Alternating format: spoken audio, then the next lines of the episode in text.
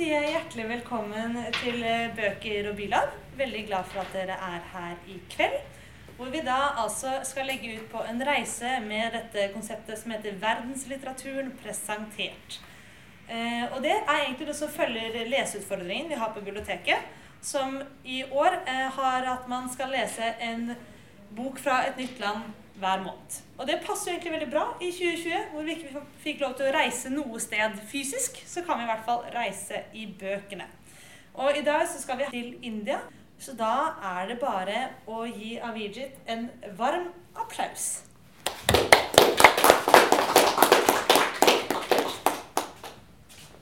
Namaste. Takk.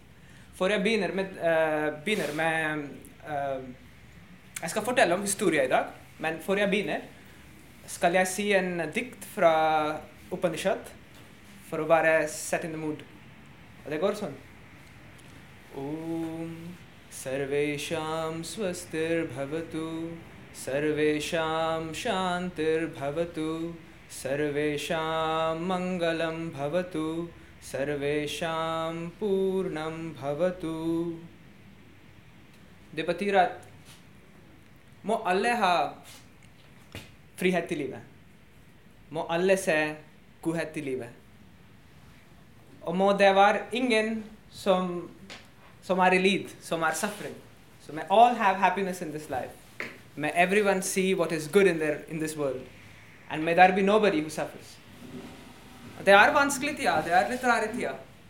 Det er ikke enkelt å ha en sånn vanlig samfunn nå. Men vi må gjøre hva vi kan for å få godhet i livet til oss. Og en måte er historie. Stories. Er det noen her som har aldri har hørt en historie før? Anybody here who has never heard a story? Alle dere snakker norsk og engelsk begge to. Er, er det noen som snakker ikke engelsk? No? Everyone speaks English. Please feel free to participate. Uh, det blir en samtale. Det blir litt mer konversasjon. At jeg prøver å fortelle som, jeg, som jeg har opplevd i India som barn. Historie. Og det var mormoren min som kom hver dag, hver natt, for å fortelle masse forskjellig til meg som var en liten barn, barn vokser, som vokser opp i India. So let me take you on that journey.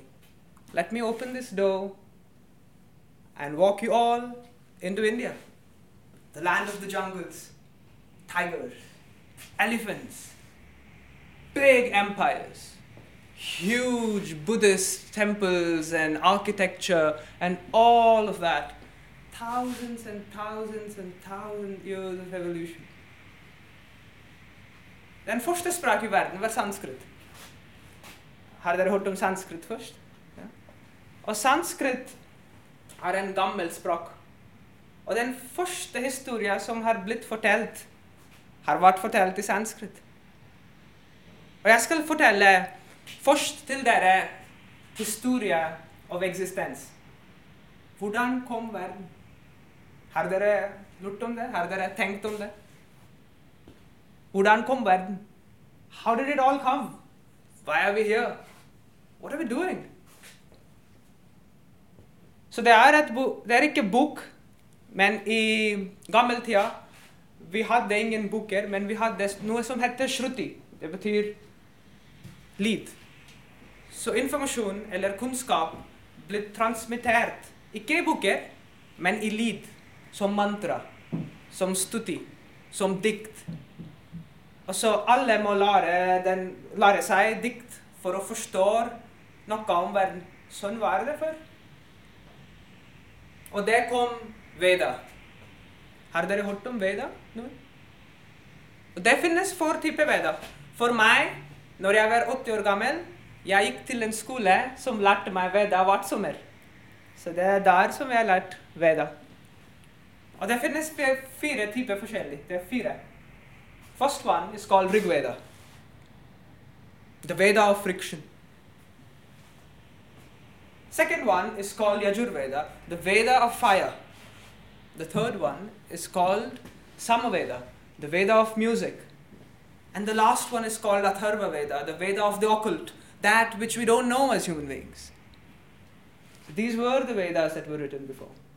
And from the Vedas came out the essence of the Vedas, which were written as Upanishads, which is basically what goes below the Vedas as an essence, condensed form of Veda, to talk about existence. Og det første spørsmål som kommer i Upanishad, er hvordan kom verden? Hvorfor er vi her? Hva gjør vi her? Og det er noe som indiske folk tenker om frem til nå. Det er masse som tenker på det. Tror i hele verden. But let me tell you guys the story of creation. According to the, Hin- according to the, the Hindu mythology, but it is something that has also something common to the Norwegian mythology. Tror det er ikke så mange som kjenner det. Det er også, en samling mellom norske og indiske mytologi. Har dere, er dere noe her som har, gitt, hørt om Ymir? Den første mann i norsk mytologi. Ymir. Har dere, er det noe her som har hørt om Ny- Ymir? Yme. Yme? Yme? Ymir? Ymir? Hva har dere hørt om det? Han var uh, den uh, første skapelsen. Uh, og han ble eh, Han var en, en jotun. Eller faren av Jotun, eller? Ja, Han- han er faren til alle jotuner. Ja. Og han ble skapt av eh, av eiter. Av, eh, av det som var, eh, ble laget av ild fra Muspelheim. Og fuktighet fra Nibelheim. Mhm. Og sammen skapte det den første jotunen, eller første skapningen, Ja. eh, Ymir. Og den samlingen jeg snakker om, at vi i India også har den første mannen. Og så vi har masse forskjellige goder. Det er litt lignende. Den første man, Purusha, the first one. Men er, den, er, er han den første som kom? Er han den første som kom? Og Rigveda snakker om det. Jeg har et liten dikt. Who really knows? Who can really swear how the creation came? When or where? Even the gods came after the creation day. Who really knows? Who can truly say? When and how did creation start? Did he do it? Or did he not? Only he, he up there knows. But maybe, perhaps even he doesn't. That is the existential question of, of the Rig Veda that they put. But let me tell you the story now.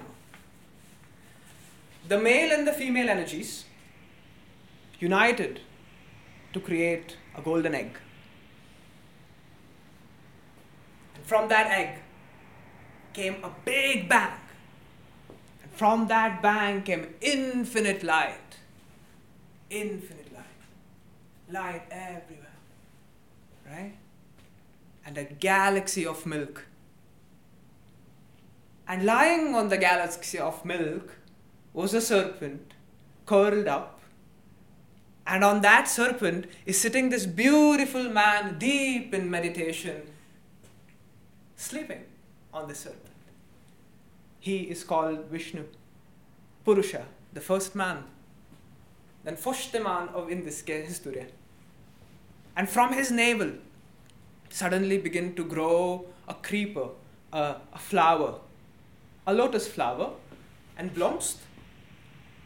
And when that opened up, and in that lotus flower was sitting another man, Brahma, the creator of all matter. In Rigveda, they say that matter was created when something stationary met with an enormous force of energy and then it began to move. And the movement of matter is what created this world. And that is what Brahma did. His existence started moving the matter around. And even he didn't know what was happening. Even he didn't know what is going around. He realized that he has four heads. And he opened one of the head, opened one of the eyes in his head, and in came Chitta, Chitta betyr consciousness. Hva er det på norsk? Bevissthet. Bevissthet. So that is the first component of the mind. Chitta. From the moment he opened the chitta, he realized, oh, I'm so lonely. I'm alone. So he created from his rib the woman. Similar to the Adam and Eve story. Similar to the stories that have been found in the Bible. And from his rib, he created a woman that he wants to live with. And then when he began to embrace her, his second eye opened up. Second head. This the mind. The in Freudian terms, this is what you would call ego. And when that happened, he re- there was creation of the universe. Men and female just split up into two energies from there on, and then they took birth in every form of life. They became a bull, they became they became a bird, they became everything. Everything was created because of the mind, the ego. And then he realized, but I'm not alone here. I just created the woman, but I see this man who's been sitting there all along, and out of his stomach did I grow. I grew up out of his stomach. So I gotta go see who is. But as he approached him, he didn't greet him. And this man that I was talking about, the Purusha, the first man who's sleeping now on the Milky Way galaxy with his serpent chilling out, that guy woke up and he saw there's somebody there. And immediately there was certain animosity that created between them. Why? Because they both wanted to say, I am the first one. No, I am the first one. So they started sort of fighting with each other. And when they started fighting, Brahma's third head opened up. And it is called aham, the sense of self. The sense, when the sense of self cre- was created, illusion was born into this world. Maya took existence. It is only because Brahma has a self sense of self, we all live in an illusion. That is the story of illusions. In now the story goes on. These people are fighting. Says, I'm first. No, I'm first. And now they're the fighting is getting more and more intense. Veldig intens. De krangler med bow and arrow, alt mulig. Og da kom plutselig! An infinite fire. Fire that had no, nobody knew where it started, where it's going down, what is happening. Fire. So they both reach an agreement. The Brahma and Vishnu say, whoever finds the source of the fire is the one that is truly the first one. So Brahma goes up and Vishnu goes down to try and find the source of this fire. Do you think either of them found it? No. They go for years, years, and years. Nobody finds where this fire is coming from. But eventually, Brahma sees a flower. He takes that flower and he says, This is it, this must be the source of fire. Comes down to Vishnu and say, Hey, you lost, I know where it is. I found it. And that was the so that the fourth head that was there, that wanted to open up when this happened. And that fourth head symbolizes death. But it didn't open because Brahma lied to Vishnu. He didn't find the source of this source of the world. He only found a flower. And from that light came Shiva, the destroyer, the destroyer of the self, the absolute master of this world. So that is our Holy Trinity the Brahma, the creator, the Vishnu, the protector, and the Shiva, the destroyer. And why did Shiva come? To destroy the sense of death that is there in Brahma. He, he chopped his head off and he took it upon himself. He said that no man will ever have the knowledge of death, it will be only me and me alone. Because with that knowledge, you will lie. You will not build a good world. Save that to me. And this is how the world was created, according to the Hindu mythology. Of course, there are also concepts of Darwinism that come, evolution. The protector, the Vishnu, who is now who you have known as sleeping on the serpent and having all this, he takes many lifetimes. And there is also concept of mention of relativity. Så en dag i Brahmas livet er 300 milliarder år på, på jorda. Sånn er. Så når han skal sove, da blir alt gått bort. Da kommer apokalyps. Sånn har det vært fortalt i, i indisk litteratur. I was actually hoping to talk about many different stories that, that are find, that are found in the Indian mythologies. And I would I was also wanting to talk about love, good and evil, justice, and so on. So I'm not giving you a complete picture of anything, I'm only giving you a trailer today. So where were we? We were at Vishnu who is taking now going to take a few births on this planet. And it has been written in Sanskrit such Matsya Kurma Varaha Narasimhascha Vamana Ramo Ramascha Krishnascha Bauddha Kalkya Namostate. That Vishnu took different life forms, 12 different, and he started on this planet as a fish. And he became eventually different things. From fish came a pig, from pig came a, a dinosaur, and from that came man, and from man came an advanced man, and from an advanced man came Buddha, and from Buddha comes the next avatar who is going to come now. He's not come yet, they're waiting for him. So, anyhow, I'm going to. There are many different stories that we can talk about. I will, I will make a quick mention with the, the fish story because it's very similar to the story that you find in Noah's Ark. Uh, har dere hørt om Noah, uh, den stor flood som kom Have you guys heard about this? The big flood? So there is also mention of that in the Vedas.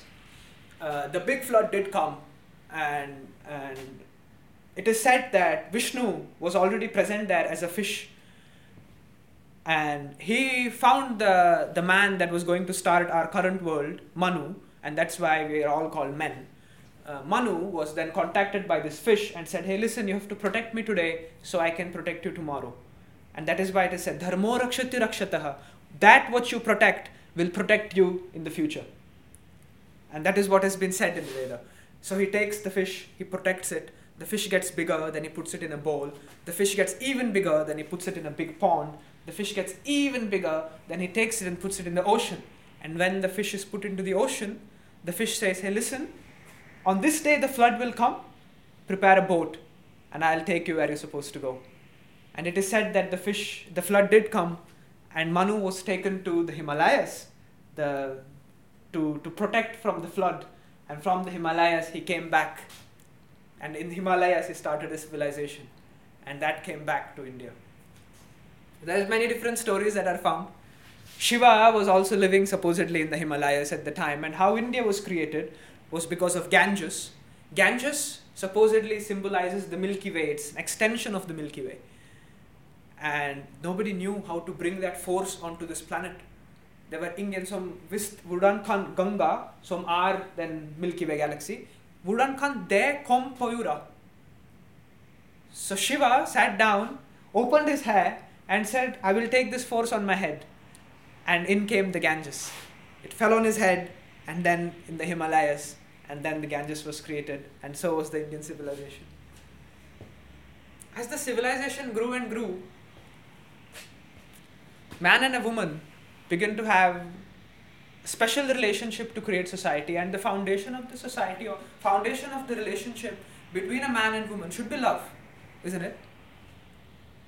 Is there anybody who would disagree to that? Would you say that the foundation of a relationship, foundation of society has to be love? But then I have always a question what should this love be like? What should, how should we all love in this life? Is it possible? So let me tell you guys a story about love, about good and evil, about how one should love, or are we loving rightly? The story is about Rama, one of the avatars of Vishnu. And Rama has been worshipped in India. Det er alle, han, han er en gud, Rama. If you go to an Indian temple, you will still see thousands and thousands of saints sitting down and singing his songs. One such song goes like this Rama Rama Jaya Raja Ram Rama Ram Jai Sita Ram. Ram Ram Jai Raja Ram. Ram Ram. So man comes down to surrender to Rama. But what kind of a man is he? Is he a good man? Is he a righteous man? Supposedly. Supposedly. Our history, our stories have worshipped Rama as the righteous man, the man who knows what is right and wrong, the man who has lived a good life, the man who has always done justice to his people, a good king, one who has always done only right action, has had the right morals. But what kind of, what did he do? Let me take you guys back 3000 years ago. India, the Ganges, has created the most fertile land that you could find. Civilization has started to come up. A big kingdom has been created. And the king of this kingdom, Dasharatha, cannot find a child, cannot find a heir, he cannot produce some. So he takes a magic potion, gives it to his three wives, and all of them get pregnant one magic potion that was. And from these three wives, he gets four sons. And the eldest of them, Rama. People love him. He's the prince. He's the prince of one of the first civilizations that was there in India. They want to protect him from all evil. They want to raise him. They want to educate him. So he goes, he gets educated, but they all also believed him as a hero. He was destined to become a good king. Moment of reckoning for Rama comes when he has come to a big competition for a princess. Whoever wins this competition wins the princess. What is the competition? There is a huge bow that has been lined up on the table. Big bow, a bow and arrow, you know, bow thing. Whoever lifts the bow, ties the bow to the ties the string to the bow, and can shoot uh, shoot an arrow, wins the princess. And this is no ordinary bow. This bow can only be lifted by, like the Thor's hammer, you know, the one that has, who deserves to can, who deserves it, can lift it. It's like the Thor's hammer. Everyone tries. There is also a bad guy in the story called Ravana. Well, he's not that bad, but he's supposed to be. He tries to lift it, he can't. Everyone starts laughing. Ravana is insulted. He looks at the princess. The princess is also laughing at him. This is the source of all conflict in this story. The bad guy was insulted. And the bad guy feels really bad. I am I'm a warrior. How can all of these people laugh at me? I am the strongest warrior in this world. I've conquered the heavens, I've conquered the underworld. There's nothing left for me to conquer. And these people are laughing at me. And in walks our hero, Rama, young prince from, from Dasharatha's kingdom, from the banks of Ganga, goes, he stands. He does not know whether he is deserving. He does not know what he is born for. He does not know whether he can lift this bow. But he puts his hand on the bow, and the thunder strikes in the sky. Moment of reckoning for Rama. He lifts the bow, ties the string, and as he tries to shoot an arrow, the bow breaks. And then he's supposed to be the breaker of cycles, like Khaleesi in Game of Thrones, the breaker of chains. He marries the princess. The princess is very happy with him. Princess called Sita. They all come now to Hastinapur. See, you might, you guys have probably like seen Indian weddings, flamboyant Indian weddings.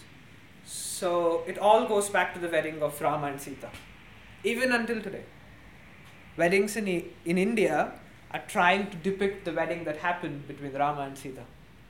Days and days of singing, Bollywood music, maybe not Bollywood music, but you get the point.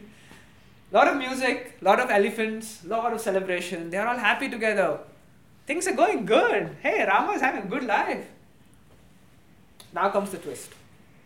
The twist is that one of Dashratha's wives has now asked Dashratha, saying that, hey, listen, Rama cannot be the king tomorrow. It has to be my son. You promised me. You promised me anything that you asked me to do, you will do. I was supposed to be your favorite queen. I thought you loved me. If you love me, then make my son the king. Rama cannot be the king. So Dasharatha asked, What should I do with Rama? Send him to the forest. Send him to the forest for 14 years. And if he truly is your son, if he truly loves you, then he will go. So Rama is in a dilemma. He loves his father. But because he loves his father, should he go to the forest? Because he loves his family, should he leave everything and then just walk? From all the inheritance, from all the happiness in his life, he has a new wife that he is supposed to protect. Should he just go? That's what Rama does. And such is love sometimes. Love involves sacrifice. So he sacrifices his kingdom, starts walking into the forest. Well, they are having a good time in the forest, Rama, Sita, and his brother Lakshman. And one fine day, the bad guy in the story, he comes back. He comes back and he kidnaps our princess and he takes her. Now Rama comes back home and sees, oh, my wife, my beloved wife, she's gone. She's not here. Where must she have gone? My, the love of my life. What did I do to you? What kind of suffering did I put you through? Where are you? Sita, my love, where are you? And shouting, Sita, Sita, all through the forest he walks, he walks for days, for nights. No Sita to be found. But you know what? He found a cool thing. He found a humanoid species. I'm not even kidding. He found a humanoid species which were like half ape and half human beings, and they were pretty fun. They liked to jump around, they liked to sing song, and they loved Rama. Rama was surprised. Oh my my, what did I walk myself into? And then he sees these humanoid species are also pretty intelligent. And he explains them to the story hey, listen, my, my princess, my wife has been kidnapped. I don't know what to do. The humanoid species are like, well, we got control over this. We know how to solve your problem. We'll take you to your princess, don't worry. That's how Indian people are. They just think, don't worry, we'll fix this. And then the humanoid species actually do that. They're called Vanaras. So the Vanaras take Rama, and try to find Sita, and one such Ra- Vanara who's a very brave Vanara is called Hanuman. He's a god, the monkey god, as we call him. And the monkey god goes, finds Sita, brings back the message to Rama, says, Hey, we found your we found your princess, we found your wife. And then they all raise an army together, go to the bad guy, and you know what happens generally in a battle between good and evil? The good guys win. Because that's how stories are made. They get the the Sita, who has not seen his husband for 14 years now, is, is coming to meet him. They have won the war. Ravana has been, has been killed. As she walks, Rama and Sita meet, but they don't hug each other. They love each other, but they're not happy to see each other. Why? Rama says, You've been with another man for 14 years. If I were to trust you that you are faithful to me, you should jump into a pit of fire. Is that right of a man, a good man, a just man, a righteous man, to ask his wife jump into a pit of fire? Is that what a righteous man supposed to do? If I ask this question in India, won't really won't end well for me. But I do want to be honest about the stories at hand. And that is how women have been treated in society. Unfortunately, for love, women have been asked to make sacrifices, and Sita made the biggest sacrifice of her life. In order to prove her lo- love for Rama, she jumped into a pit of fire. No woman would have to do that again.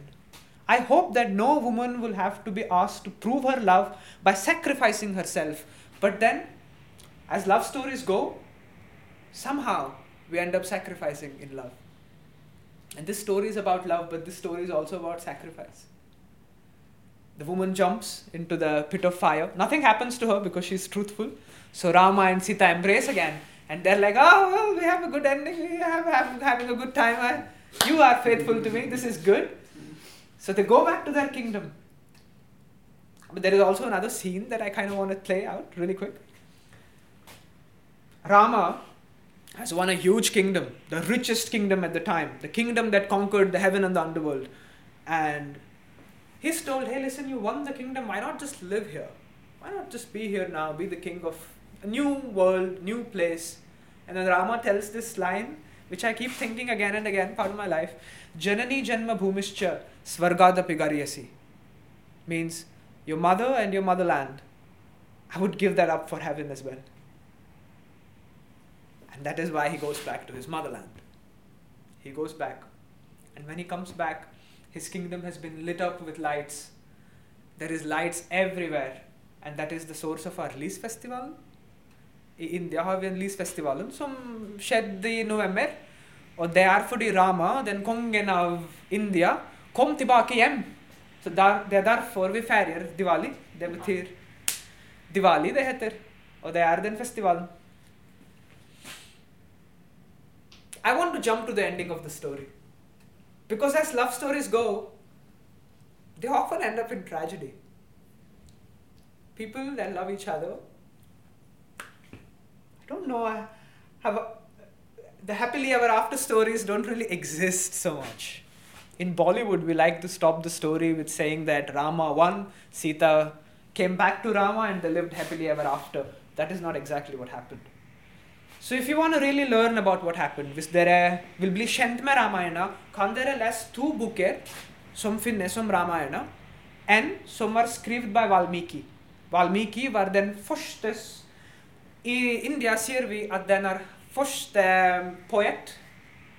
Poet på norsk er forfatter.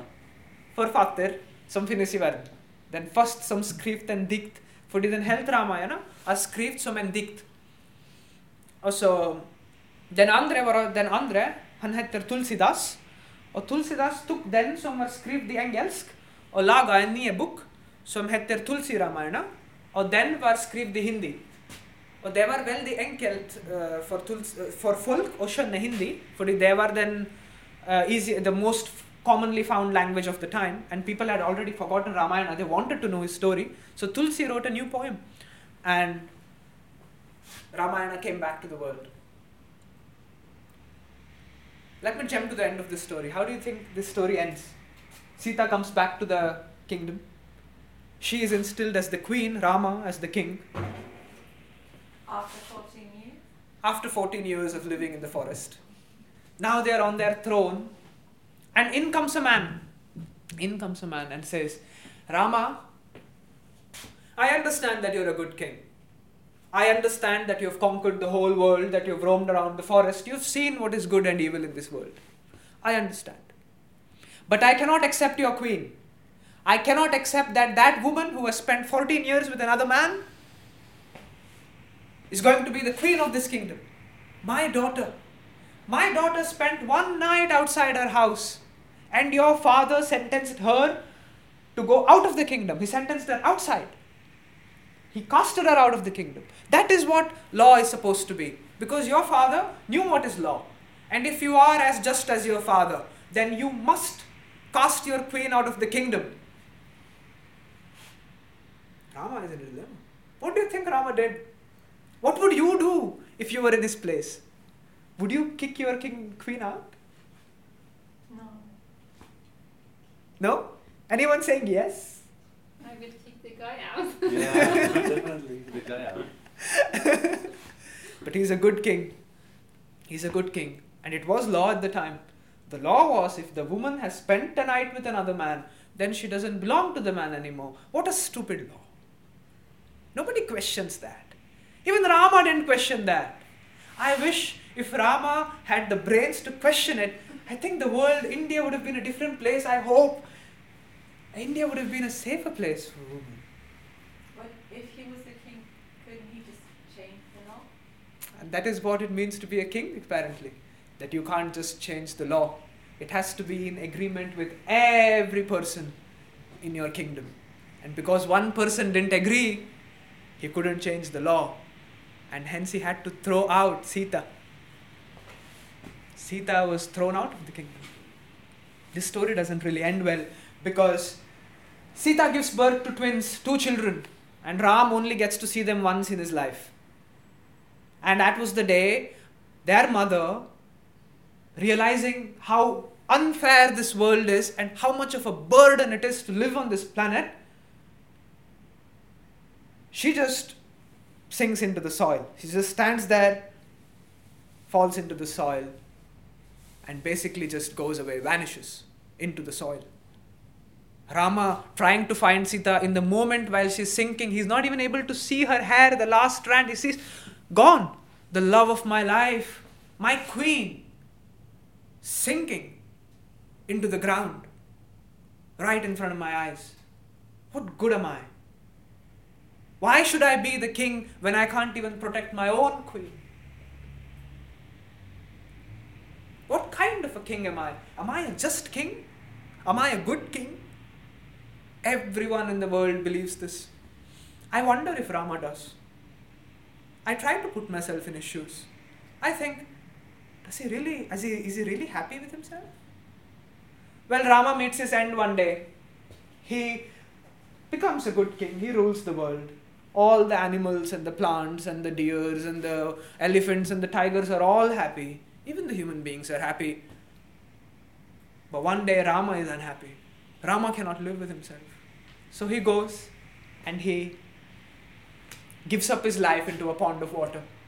He just he just goes and basically drowns himself. That's how the story ends. Not many people will tell you about the end of the story. But this is me. And that makes me question, and that makes me bring you to the last story that I'm going to tell for today. And this story is about justice. Do you think there is justice in this world? Do you guys believe that? Justice is relevant. Isn't it? Justice is dependent on the stories that we tell ourselves. De som vi, de historier som vi snakker om, de som vi forteller hverandre, de er den basis av fred verden.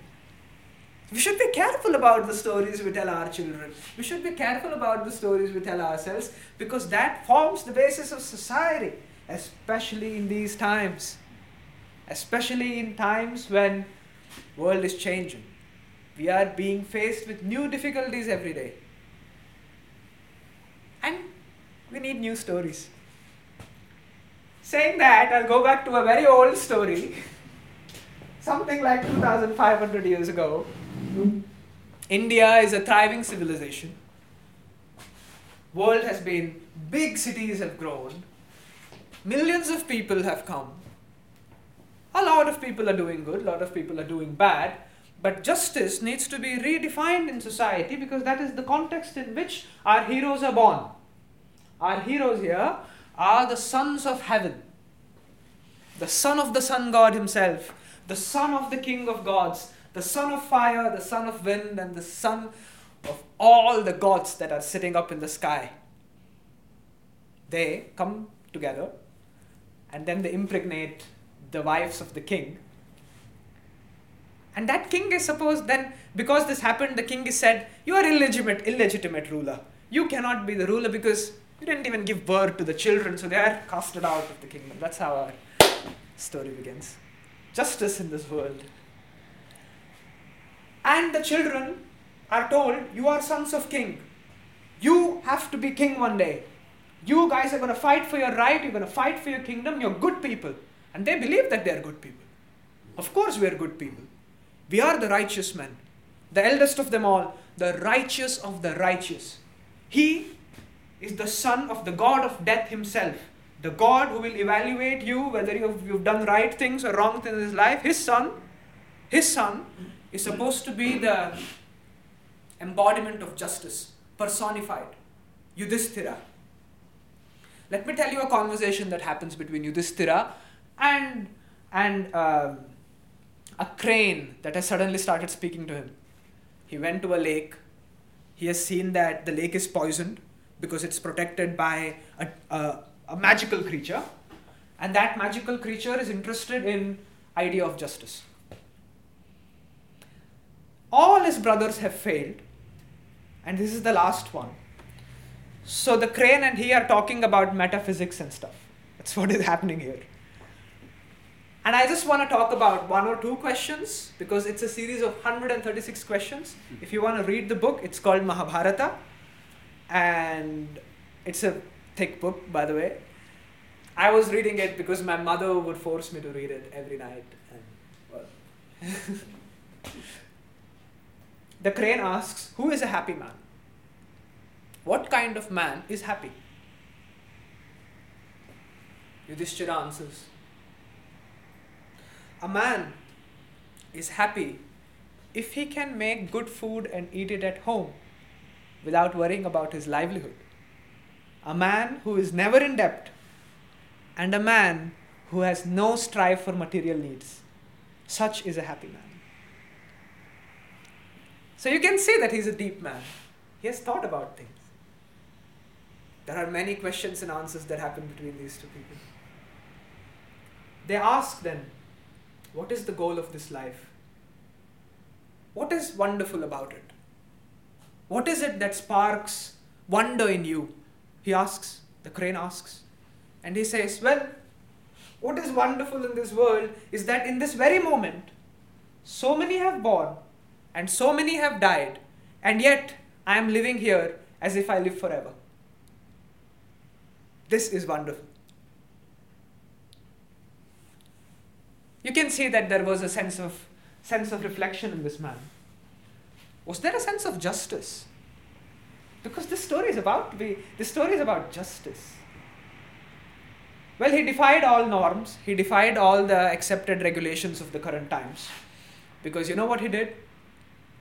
He asked all of his so he they all of them went for a hunting trip one day and found a princess.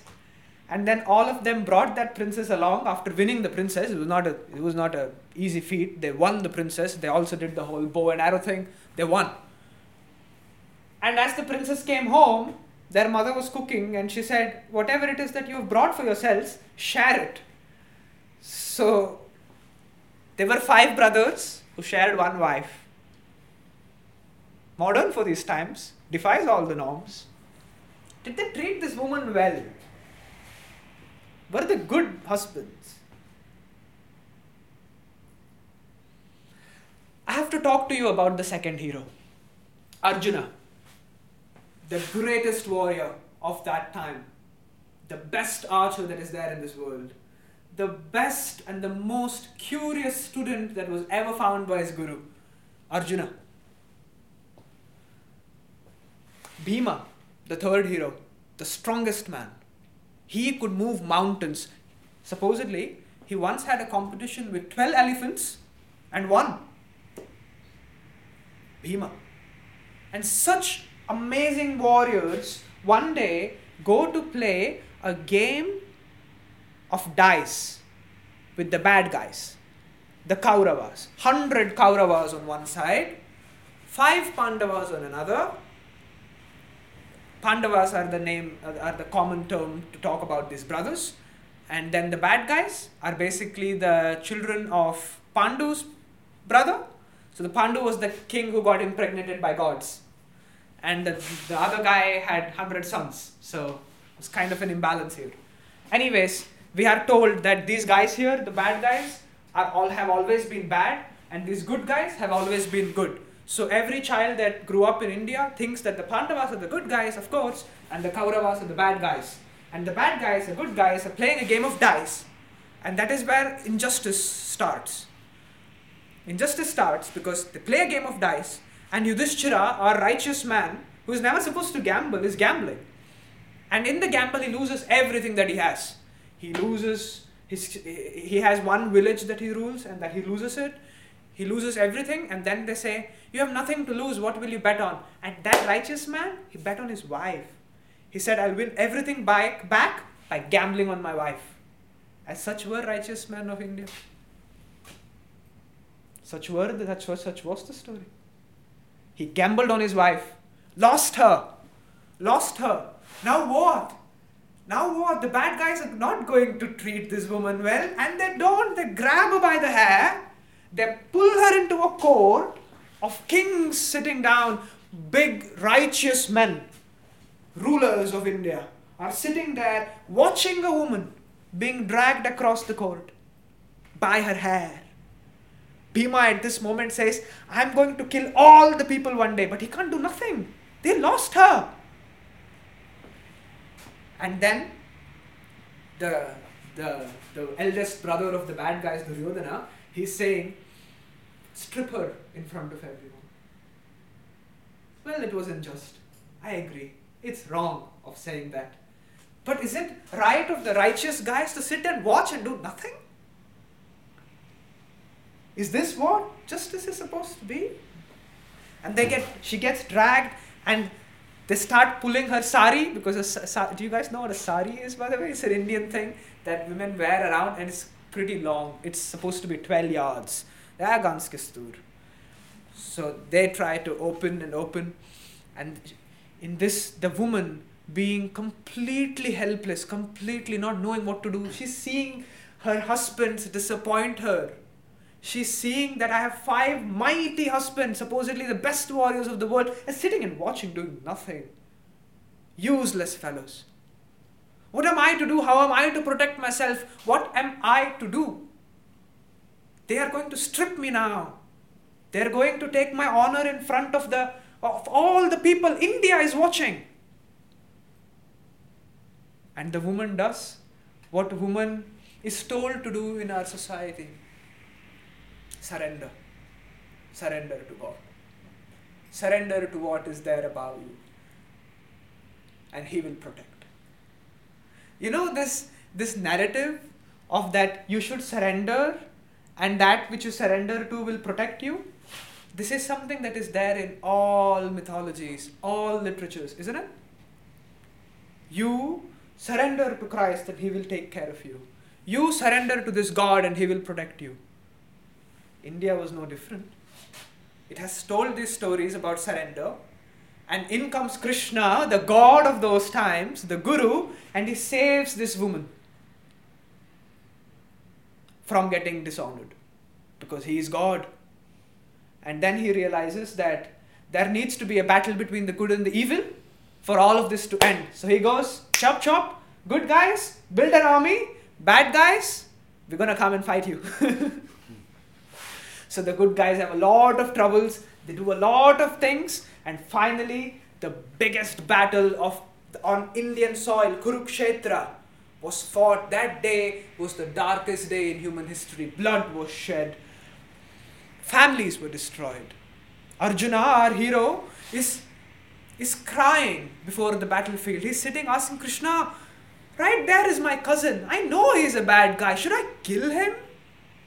For what? For justice? Right there is my guru, right there is my grandfather. I see everyone here. They're my people. If I kill them, they will die. And think about all the people are going to, that are going to die on my side. Am I still supposed to fight? Why? And then Krishna tells him. And what has been told by Krishna to Arjuna is called Bhagavad Gita. This here is the essence of Indian philosophy. If you guys ever get a chance on reading the Bhagavad Gita, don't miss it. It's been translated to English, to German, to everything. So the Bhagavad Gita, he says, Karmanyavadikaraste mafalechu kadachana. Means you do your work. Don't think about the, the fruits that are going to come out of it. You do your job. You are here to fight this battle between good and evil. This is your role. Yes, there are all these people, they are all, but they are on the side of injustice. You will kill them. Well, he does this pep talk and it kind of works. And Arjuna just takes the bow, starts shooting. Yeah, as good and evil stories go, the good wins. But then what happens to the good guys? This is the question. The good guys realize that they have a kingdom to rule with no people. And they still rule the kingdom. In the end, they get so bored that they decide to walk to their fate. They say, We are going to walk until we die. If we reach heaven, good. If we don't reach, we'll see what happens. So they all start walking towards heaven. And all the brothers, one by one, fall and die. Arjuna, our mighty hero, Bhima, the strongest guy, they all die on their way. And you know who reaches the, the heaven in the end? A righteous guy, Yudhishthira. He comes there and he says, the god of death is there, the god of everyone is there. He says, Father, what is this that I see? It is the it is my rival, my enemy, Duryodhana. That man who I killed on the battlefield because he was supposed to be evil, he's right here. What happened? End of story. At dere har hørt meg i dag. Det er mange forskjellige indiske historier som finnes i boker. Og gjerne ta en bok fra India. Gjerne les noe. Det er mytologi som er ganske lignende med norske mytologi. Masse forskjellige guder, masse forskjellige ting som skjer. Og den her som jeg har fortalt til dere, er den basis av indisk mytologi. Den største epik, den største historier som finnes i indisk mytologi. Så eh, det er ønskelig at dere får litt inspirasjon herfra og tar den med. Og leser Mahabharata og Ramayana. Tusen takk.